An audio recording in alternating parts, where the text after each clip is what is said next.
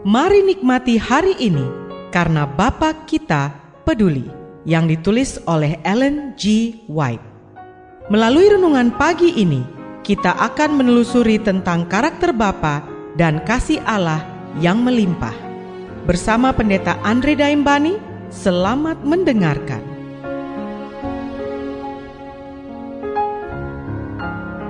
Shalom, selamat pagi saudaraku.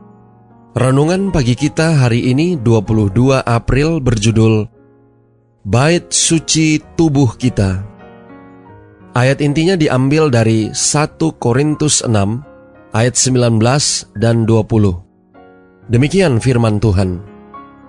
Atau tidak tahukah kamu bahwa tubuhmu adalah bait Roh Kudus yang diam di dalam kamu, Roh Kudus yang kamu peroleh dari Allah, dan bahwa kamu bukan milik kamu sendiri, sebab kamu telah dibeli dan harganya telah lunas dibayar. Karena itu, muliakanlah Allah dengan tubuhmu. Mari kita dengarkan penjelasannya. Kesempurnaan karakter yang diwajibkan Tuhan adalah melayakkan semua orang sebagai bait Roh Kudus. Allah akan menerima tidak kurang dari pelayanan seluruh organisme manusia. Tidak cukup menggunakan beberapa bagian tertentu saja dari mesin hidup ini. Semua bagian harus bekerja dalam keselarasan sempurna atau pelayanannya akan kurang. Oleh sebab itu, manusia memenuhi syarat untuk bekerja sama dengan Allah dalam mewakili Kristus kepada dunia. Dengan begitu, Allah ingin menyiapkan suatu umat berdiri di hadapan Dia bersih dan suci, agar Ia bisa memperkenalkan mereka kepada malaikat-malaikat surgawi kita dipercayakan dengan pekabaran paling kudus yang pernah diberikan kepada dunia kita, dan sasaran yang harus dipertahankan sederhana dan jelas di hadapan pikiran kita adalah kemuliaan Allah. Marilah kita jaga agar kita tidak melakukan apa pun yang akan memperlemah kesehatan fisik, mental, dan rohani, karena Allah tidak akan menerima korban yang ternoda, berpenyakit, dan cacat. Harus dibiasakan berhati-hati dalam makan, minum, berpakaian, dan bekerja.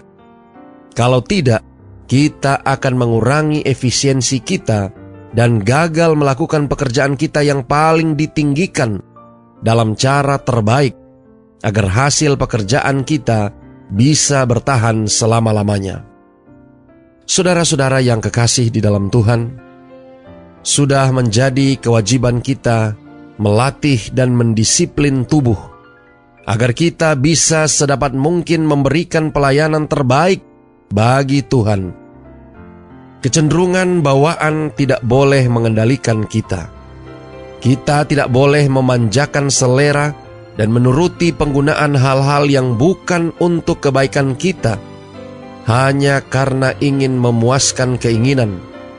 Tidak juga untuk membuat tubuh kelaparan dengan gagasan bahwa kita akan berpikir secara rohani dan agar Allah dimuliakan. Kita harus menggunakan kecerdasan yang Allah berikan agar kita boleh sempurna dalam tubuh, jiwa, roh, dan agar kita bisa memiliki karakter simetris pikiran yang seimbang, dan melakukan pekerjaan sempurna bagi Tuhan. Doa kita hari ini, Bapa terima kasih.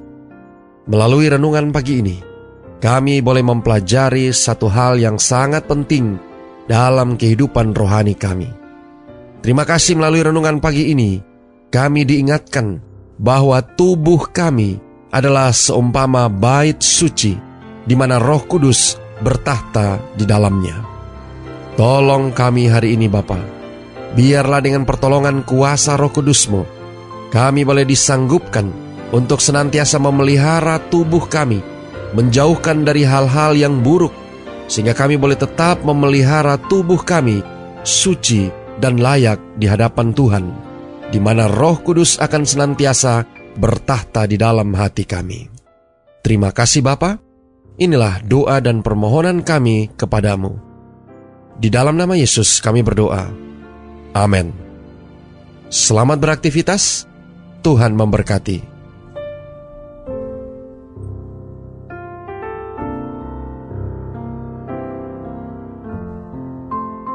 Demikianlah tadi pembahasan tentang Bapa Kita Peduli.